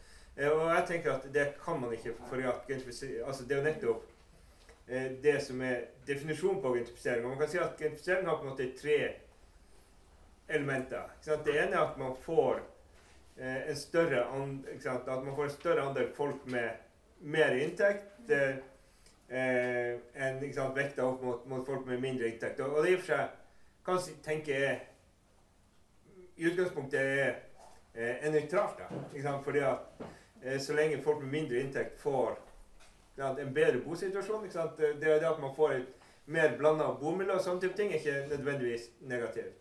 Eh, så har man at man endrer på en måte stedets karakter, eh, og at det er ofte en forbedring av stedets karakter på, på eh, mange måter. Og det er jo i og for seg positivt. Men så er det også det at det har dette elementet av fortrengning og fremmedgjøring. Eh? Og hvis du ikke har? For at byfornyelse eller forbedring av et område eller et områdeløft er jo ikke gentrifisering. Det var at ting blir, blir bedre. Eh, det er jo først når du får en fortrengning av folk, eh, at, eh, at, at man på en måte har det man kaller, kaller for gentrifisering. Og det kan på en måte egentlig aldri være positivt, selv om, selv om det kan være mykere eller eh, hardere. Og, og så nå jobber jo også byrådet med å finne noen modeller for denne tredje boligsektoren. Og da tenker jeg at der har jo på en måte sant, Rødt en viktig oppgave med å dra det arbeidet som skjer med den tredje boligsektoren, i en riktig, i en mer eh, solidarisk eh, retning. Fordi eh, man risikerer at den type ting ofte blir ganske sånn utvanna versjoner. ikke sant? Og så blir det egentlig det samme som før, men, men kanskje organisert litt annerledes. og at Der har på en måte Rødt en, en viktig stemme i å være med å, eh, dra det arbeidet som skjer der, i en, en, riktig retning. Og så, så bare skal jeg prøve kjapt å ta noen uh, forslag. Sant? Det ene er jo det å pilotere ting. Tøyen Boligbygglag vi står liksom og hopper og vifter med, med alle hendene i været og sier denne uh, Hagata 30 f.eks. Uh, og da snakker man også om sånn type konkurranseregler, men man gjør jo dette over hele Europa. Over hele Europa så gir man sånne type initiativer muligheten til å være med på boligutvikling. Eh, ikke sant? Og alle er omfattet av det samme EU-reglementet, ikke så, så, det er mulig eh, hvis man ønsker. Eh, og så har man faktisk mulighet til å ekspropriere. Eh, kommunen kan ekspropriere eiendom for bolig. Jeg har også tenkt på denne bydelen her. Så har vi den eh, borte i uh, nabolaget til meg og Audun, som vil hete Håkons gate 12, kanskje. Bygård står tom i 30-40 år, og stor artikkel i en eller annen avis om det nettopp. Eh, men det er noen som ikke helt blir enige om noe, og så gir de med meg sånn femetasjers bygård. Eh, sikkert et par hundre kvadrat. Eh, masse boliger som har stått tom der i over 30 år. Og i en by ikke sant, midt i et sted, masse folk sin bolig. Ekspropriert. Eh, samme Sankt Halvors gate 27, mm. eh, som var okkupert tidligere med en sånn uh, Brakkebygrenda, folk som bodde der i campingvogner og mikrohus. Eh, eid av noen interesser som på en måte sitter langt unna. Skjer ingenting. Det er bare en grusplass med inngjerder. Eksproprier. Eh, inntektstak på, det, det, å få løst opp det er et inntektstak på kommunale boliger, som man har snakka om. Det at du, hvis du tjener for mye, så mister du retten til kommunal bolig. Så må gjøre noe. Kanskje kan man si at ok, men hvis du går over inntektstaket, så utløser det automatisk en eller annen form for rettighet til å få kjøpe dette, til å få en leie-til-eie-avtale. Da vil man kunne gjøre at det som er kommunale gårder, får, at det etter hvert blir til eiegårder. At de som da kommer, får denne inntektsøkninga, eh, kan bygge, få et borettslag eller noe sånt, eh, og at man da får eh, blanda gårder. Men at man kan øke inntekten sin, man kan bli boende, man kan ha nærmiljøet sitt. Um, men man kan få en områderegulering som har eh, sosial bærekraft som eh, formål. Det er litt sånn teknisk litt vanskelig, men sånn som på Furuset har man en områderegulering. Den sier I dette området så skal all utvikling være ekstra miljøvennlig. Eh, så er det noen hindre, tekniske hindringer for å få en områderegulering med sosial bærekraft, eh, men det er på en måte mulig. Og det siste tenker jeg at nå man ja, Nå sier byråd og sånn ja, men vi har ikke noe handlingsrom, for vi eier ikke noe eiendom. Oslo eier ingen eiendom. Eh, fordi man systematisk gjennom 20 år har solgt unna. Bit for bit. Og, og, og, nå står man og eh, eier veldig lite. Men så eier man noe. Man har eh, F.eks. er det en eiendom på Økeren. Eh, det er noe Skøyenkar Altså man har en del eiendom. På Økeren har man en eiendom 1400 boliger tror jeg skal reguleres til. Det her er sånn de bare har tenkt å selge ut, sånn at eh, noen tjener mange milliarder på det. Men si at kommunen sjøl tar ansvaret for boligutviklinga på denne. Eh, da har du eh, Å si at man sier på en måte at 30% av disse skal være rimelige boliger, enten rimelig utleiebolig eller noen, noen med lavere eh, Som skal være rimeligere å kjøpe seg inn mot en eller annen form for eh, eh, for tilbakekjøp, at man ikke bare får en sånn, sånn lottogevinst. Men si at man setter av 30 skal ha rimelig bolig. Dette er helt vanlig. Man gjør det i Danmark, man gjør det i Sverige, man gjør det ikke sant? Eh, mange steder. Og man da utvikler eh, 70 ikke sant? Når man selger 70% av disse boligene på kommersielle markedet, da vil kommunen både få mange hundre rimelige boliger, man vil få kanskje to milliarder inn, som man da kan begynne å bruke til å lage et fond til å kjøpe tilbake eiendom, kjøpe strategisk eiendom, utvikle bolig og kjøpe tilbake kvadratmeter for kvadratmeter. Eh, I stedet for å, sant, at det at man har solgt ut byen og solgt ut grunn, at man sant, må snu det tankeskipet, begynne med det man har, utvikle smart, eh, og begynne å kjøpe tilbake eiendom og kunne være liksom en eh, aktør på boligmarkedet på den måten. Mm, takk. Mm. Ja, eh, jeg har noen spørsmål, men jeg har et lite hjertesukk fra BU igjen. Eh, Bydel Gamle Oslo ble jo for eh, to år siden eh, til en pilotbydel for boligsosiale løsninger. Og der har vi fått med alle de andre partiene som var ivrige og syntes det her var en flott idé. Samtidig er også bydel Gamle Oslo den bydelen eller det området i landet som vokser raskest i antall innbyggere. Vi har fordobla antallet innbyggere på bare 20 år, fra 30 til nå 60 000 innbyggere. Vi har fått eh, Hovinbyen, Kvernerbyen, eh, Ensjøbyen, Fjordbyen Det bygges byer overalt i. Eh, samtidig så blir jo Så det er jo dobbelt så mange boliger her nå enn det var for 20 år siden. Allikevel så er vi som er herfra og vokst opp her, vi blir pressa ut.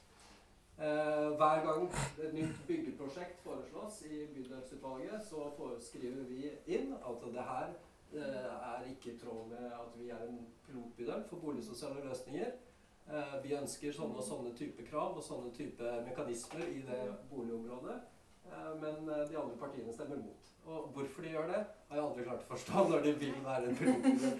Men det får vi spørre dem om. Men jeg har noen spørsmål. Det ene går på til deg, egentlig. Øh, om, øh, for jeg leste en, en øh, artikkel du hadde skrevet i Butopia om hvem som sto bak Tøyenløftet sånn, av mekanismer. Og du snakket, der skrev du noe om noen amerikanske investeringsbanker osv. Lurer på om du kunne fortelle litt om de her type mekanismene, og hvordan de fungerer også i byutviklingen i Oslo. Og så har jeg et spørsmål til alle, og det handler om, ikke om bolig. For det å løfte Tøyen, eh, mener jeg da, også handler om å løfte de som bor i byen i bydelen. Eh, bydel Gamle Oslo sliter allerede med veldig høy arbeidsledighet. Eh, spesielt blant unge så er vi oppe i 30-40 eh, blant unge voksne. Vi sliter med barnefattigdom. Eh, det bygges mange boliger, men jeg ser lite utvikling av arbeidsplasser.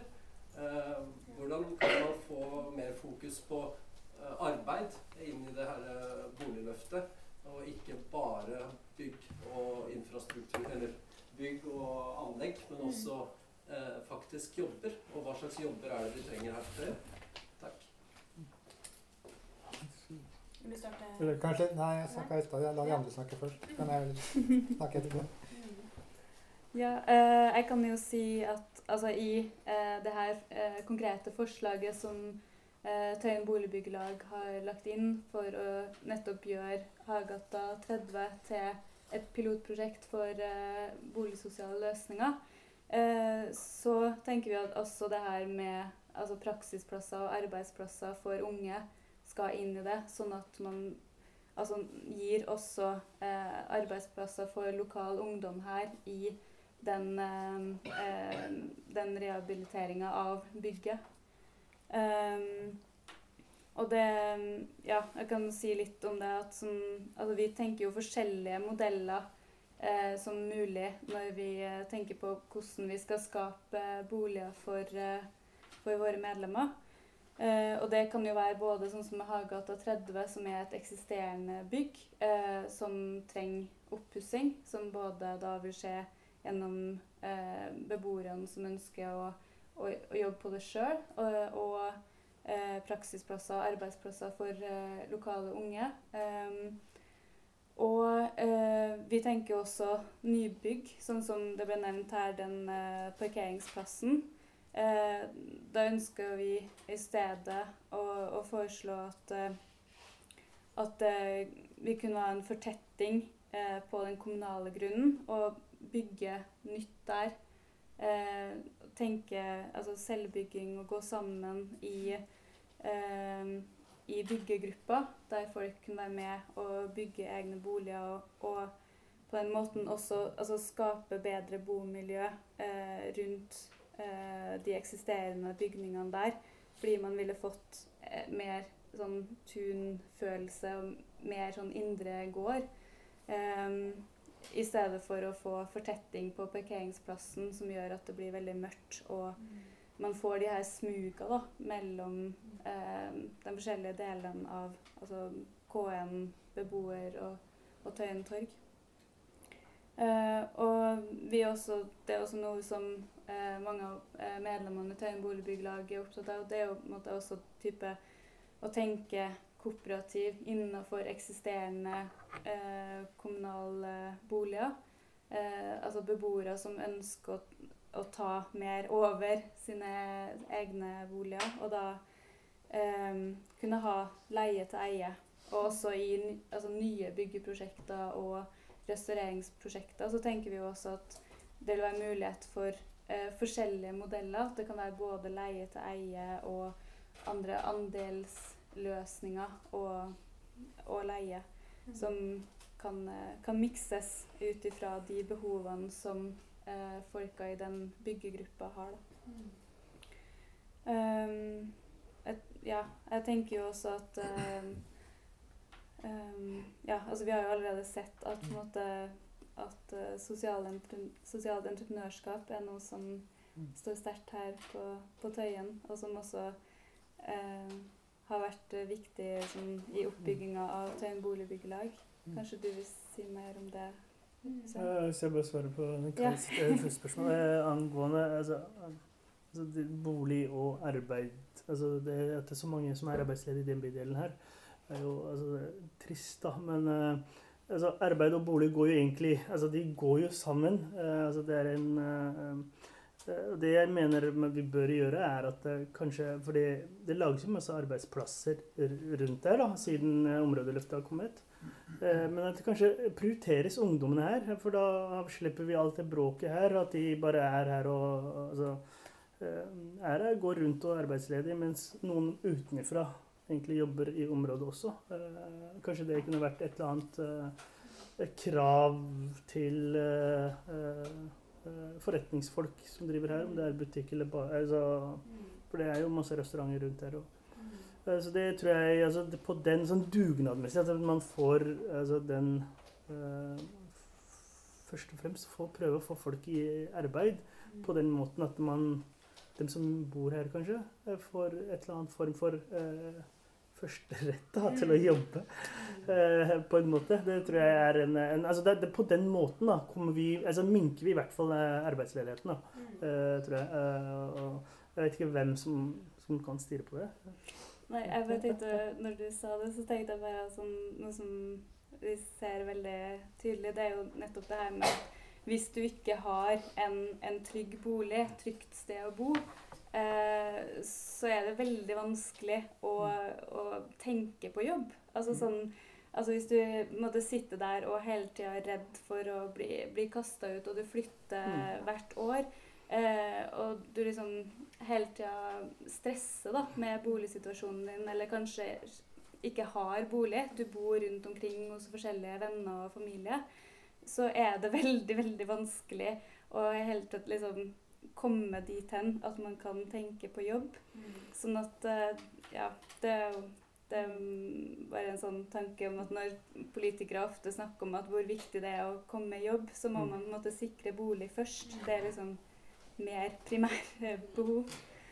Ja, jeg, jeg, kan bare legge til. Eh, tilbake til 2016 så gjorde jeg en workshop, og, og der var det en, en Jeg vil ikke si hvor mange som måtte eh, gå ned i arbeid, men det det her henger sammen, det skal jeg love dere. Eh, som Kaja sier òg, eh, at det, det, er bolig, eh, og så tenker mange eh, jobb etterpå. Eh, det er mange som altså, slutter i jobben og sier opp jobben fordi de blir kasta ut også. Eh, eller de når altså, Det er to sånne lover som egentlig er, altså, går mot hverandre. Det er ene er du fyller det kravet f.eks. For, for å bo i kommunalbolig. Så er det en annen som sier ja, men du må ut når du når den grensen. Og så er det sånn herre Ja, men jeg har kanskje inkassosaker, jeg får kanskje ikke kjøpt bolig, kanskje et eller annet sånn herre som gjør også eh, folk som ikke tar renter, eh, liksom tar rett og slett ikke, kjøper ikke bolig, selv om de har en veldig stor kapital. eh, og kan gjøre det. Altså der er det liksom, og dermed er det eh, fakta at eh, folk her valgte bort også eh, jobbfronten. Fordi at eh, de vil ikke gå i en sånn usikker verden. Havne i en sånn usikker verden. Så ja, eh, men det var liksom Hva gjør vi Altså, bolig er en essensielt tema, mener jeg, for dem som, som jeg sa tidligere. For dem som har en bolig, eh, dere lever veldig godt. Altså, dere har det fundamentet. Og jeg kan si hvorfor jeg sjøl har Altså, min mor kjøpte de høye blokka på Ammerud 1990. Der vokste vi opp og kom med oss i utdannelse. I dag har jeg en, en av altså, toppsjefene i Telenor eh, som tjener noe kroner. Så har jeg en søster som også er Brilleland-sjef, økonomisk ansvarlig for både Norge og Danmark. Eh, og der, hvorfor tar jeg det her? Jo, hva er det som kommer ut av en så stabilt Jo, det er det som kommer ut av den veldig samfunnsnyttige. Det, det er det, men versus den som eh, sliter. Det er det altså, vi opplever i dag, eh, og som sies eh, det er kriminalitet, det er masse friflytting.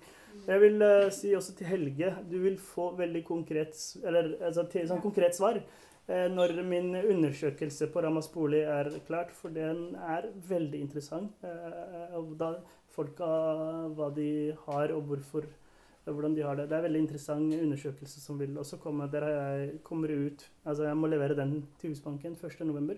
Men jeg skal nok ha en sånn en offisiell dag som hvor vi kan prate om dette temaet skikkelig òg. Altså, basert på det som er funnet, og hva folk egentlig mener er uh, deres beste løsning. Mm. Oss til.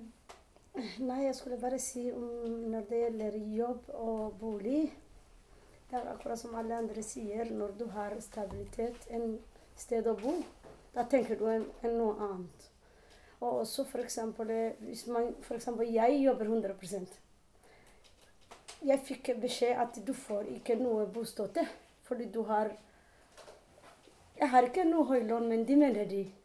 Og da må jeg betale masse penger for hus- husleie. Og det betyr hvis barna mine ble under, eh, over 18 år, da må jeg flytte fra det området som jeg har bodd i mange, mange år. Stedet Nav ikke sant, sier nå har du inntekt. Du går ikke til Nav, ikke sant? Du klarte seg. Så da må du få leie til eie for å, fortsette å bo. Det betyr de tvunger systemer, tvunger folk eller foreldre og noen å ikke jobbe, og velger å ikke jobbe. Fordi hva hvis, hvis jeg jobber, da må jeg, jeg miste bostøtte. For eksempel, jeg har mer enn vanlig um, sosial um, en klienter. Når jeg betaler husleie, da har jeg 9000 i, i mat. Og jeg kan ikke gå til Nav og si at jeg trenger ekstra penger. Jeg kan ikke gå til Nav. Det er jo skam for meg. Selv om jeg, jeg burde ha. 2000-1000 kroner jeg blåser opp. Jeg sier jeg går ikke til Nav ber 1000 kroner. Men hvorfor skal jeg ikke bo billig, slik jeg kan klare meg med barna mine og, og, og leve godt? Det er jo Jeg skjønner ikke egentlig. Hvis du ikke sant, jobber og sier 'jeg jobber for å klare meg selv', da får du press at du skal betale så mye husleie at du går under overskudd. Da må du gå til Nav og søke sosialhjelp. Hva er det for noe? Det er jo galskap. Jeg skjønner ikke til hva er systemet som funker sånn. Så for meg, det er jo guttene mine som jobber der og der, litt og litt. Jeg sa vi klarer oss. Jeg går aldri til Nav og sier jeg trenger penger. Selv om jeg har rett på. Fordi for meg er skam. Jeg vil ikke gå til Nav. Jeg vil gjerne jobbe, jeg vil gjerne være selvstendig. Men det er problemer er at når du bor i kommunalbolig, så dårlig kommunal kommunalbolig er. Alle, mange kjenner. Hvis de, du sier til boligbygg dere må hjelpe meg å gjøre det. Det er huset ditt. Du må, du må eh, ta vare på, sier de. Men Giro er jo der hver måned. Første, første måned er der. Du må betale husleie. De glemmer ikke husleie. Men det er så dyrt å bo i kommunal bolig per i dag. Jeg kjenner noen venner mine de betaler 17 000.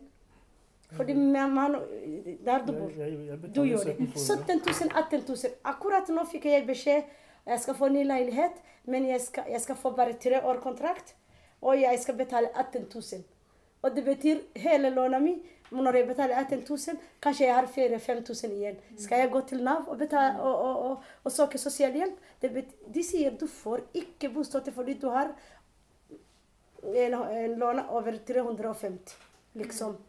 Men jeg betaler jo også skatt. Jeg skjønner ikke til hva, hvordan systemet fungerer. Det er jo galskap for meg, faktisk. Fordi hvis jeg klarer meg, jeg vil ikke gå til Nav. Nav er jo feilvaresystemet. Hvorfor skal de ta på den hånda og så betale på andre hånda? De burde gjøre billig. Hvorfor bor vi i kommunalbolig? Fordi vi har ikke penger, ikke sant? Så vi burde ha billig husleie, slik jeg kan bli selvstendig og spare litt penger og kjøpe bolig. At barna mine kan gå på trening, de kan ta lappen, de kan, sant? De kan, de kan jo, bli noen. Stedet av å bare sitte der med bare du jobber og jobber, jobber, og så betaler husleie, og så du spiser. Så eh, det er bare den magen og leilighet som er skikkelig dårlig. Det er sånn liv. Det er sånn liv folk lever på kommunal bolig. Du tar en stryk, da må du gå tilbake. Det er mange som er lei seg. En dame som bor på Kosjo, hun jobber dag og natt. Hun har alene med seks barn. Vet du hva? De, når de kom til taximannen, de sier du må betale 20 000. Jeg tror ikke at de, når partiene konkurrerer med boliggreier, de, de, de tenker ikke på oss, fordi de har fem villaer. Ikke sant? De har, eh, de har penger, så de bryr seg ikke om hvem som sliter. Men de burde, de burde ikke ta flyktning hvis de tar ikke vare på. Det er veldig, veldig Det de, de ødelegger mennesker. De ødelegger humor. Når jeg startet skolen, jeg hadde åtte barn. Og jeg sa må jeg klare meg. Jeg må gå på skole, ferdig skole, jeg må jobbe. Jeg vil ikke gå til sosial. Jeg klarte det, men nå må jeg bli presset å gå til sosialkontoret og si jeg trenger 4000-3000 kroner fordi jeg har ikke råd å få mat for barna mine. Det er veldig dumt. Det er jo, Jeg tror to-tre ganger må politikerne tenker på, å- tenker på bolig. Det er jo stabilitet. Og hvis jeg har stabilt liv, da jeg tenker jeg å jobbe. Men hvis jeg har ikke noe stabilt liv, jeg, hvorfor skal jeg jobbe? Jeg, jeg, jeg, Kofferten min er jo pakket, jeg må bare flytte og flytte og flytte. Så jeg vi, egentlig Jobb og stabilitet, bostabilitet, det, det henger jo sammen. Vi har en ordtak som sier når du får en sted å sove i hodet, da øh, finner du beina en sted å, å, å, å, hvile. Hvis du har ikke noe hode i taket, hvordan skal du si beina mine, hvor skal det være? Det går ikke an. Så jeg tenker, jeg skjønner ikke systemet egentlig. Noen ganger jeg ble Jeg tenker ikke, jeg vet ikke, men jeg tror no, noe løsning må komme. Fordi jeg tror de som sliter, er jo barna. Barna sliter, barnefamilier sliter. De sliter og sliter. Så for, for å ikke slite, løsning er jo kommunal bolig må være billig. Hvorfor heter kommunal bolig? Fordi det, det lever folk som kan ikke kjøpe bolig. ikke sant? Da må de bo billig for å spare og kjøpe egen leilighet. Og ikke leve på den eh, eh, ikke sant, fattigdomsfeltet alle årene. Og barna skal arve dette her.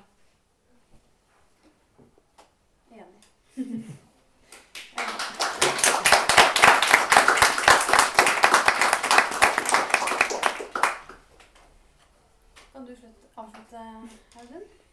Jeg vet ikke jeg har Jeg kan svare på det han spurte om i stad. For det er ikke så mye å legge til det som ble sagt her. Eller det er én ting, for det er en ting som ofte blir sagt, som irriterer vettet av meg. Det er den her Det er ikke menneskehet å bo innenfor Ring 2. Mm. Det stemmer altså, det står ikke menneskerettighetserklæring. Men, men det er så tåpelig utsagn.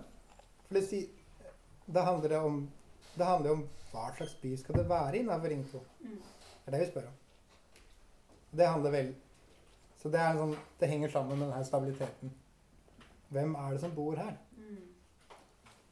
For det, altså, det er ingen menneskelighet å bo innenfor Ring 2. Det betyr Egentlig så er det helt greit at det bare bor ikke mennesker innenfor Ring 2. Mm. Det er det de sier. Uh, så ta med den. Nå gikk han ut, så han får ikke svart spørsmål.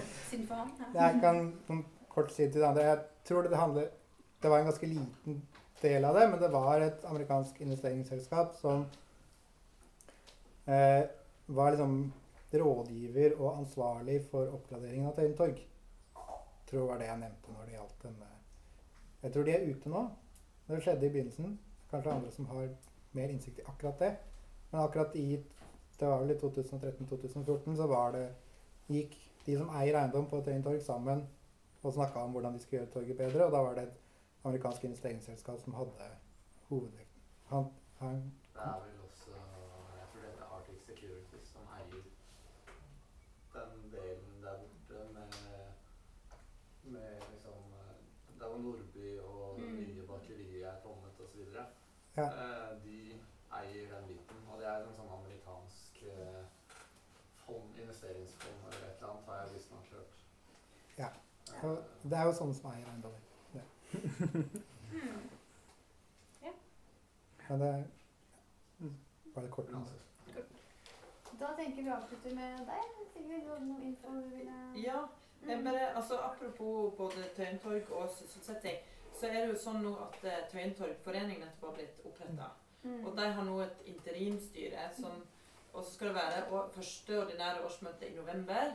Eh, og Tøyen torgforening skal på en måte styre bruken av torget. Eh, og jo, der sitter på en måte eierne av torget og eh, bydelen og eh, de som driver næring på torget, og beboerne. Eh, så nå søkes det etter to beboerrepresentanter til styret, så der folk kan foreslå seg sjøl eller andre til å være representant i styret. Og det er ganske kort frist. Det er den 30. september når det er innspill å være inne. Eh, og det er den samme sånn bli med Du kan bruke en e-postadresse 'bli med' at Oslo kommune. dette nå. Em, og i tillegg så er det da sånn at årsmøtet eh, Altså styrelsen av Tøyen torgforening, eh, der er det eh, 20 stemmer til hver av aktørene, altså eierne. Og, Mm. ja, så en fjerdedel av stemmene er til beboerne på Tøyen. Eh, og, og det kommer til å være sånn at det går på en måte gjennom foren, frivillige foreninger og lag og sånn da, som må bli medlem i Torgforeningen. Det koster 100 kroner i året, og så får en da stemmerett på årsmøtet. Så det er òg viktig. Eh, og der, der går det jo òg veldig godt an å ta det her eh, diskusjonene om sysselsetting, f.eks. Stille krav til de som driver eh, torg, til å ansette lokal ungdom. Så den type, Det er òg en arena som går an å bruke til det. da tenker jeg. Og bare husk på å vite at det er veldig kort frist. til 30. september en kan foreslå folk til styret. Mm. Og så er det ei uke lenge. 7. oktober eh, er det mm, vel at eh, foreninger og lag og sånn kan melde seg inn og, og bli med da på årsmøtet i styrelsen av Tøyentorgforeningen. Takk for info. Jeg løy litt. Du skulle ikke avslutte fordi du hadde mye svar.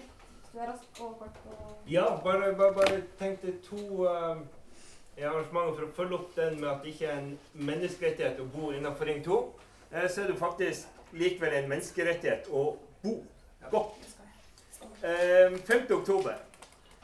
Ja, 5. oktober, altså neste uke, kommer FN sin spesialrapportør for retten til bolig til Tøyen. Eh, for å eh, snakke og ha med seg både, både flere internasjonale eksperter, men også for å eh, snakke med lokale beboere og møte folk på Tøyen her. eh, for å snakke om bolig som menneskerett. Eh, om, eh, hun har et initiativ der hun ønsker å få med byer i verden. Ikke sant? New York, eh, Tokyo, eh, Mexico altså Hun har med seg mange byer. Barcelona. Eh, hun ønsker å få byer til å se på bolig som en rettighet, og ikke som et investeringsobjekt. Eh, kommer ned på, eh, og, sant, og det, det, det er veldig, eh, hun er veldig kul. Det heter Lilani Farah. Man kan søke opp på, på, på YouTube og sånn.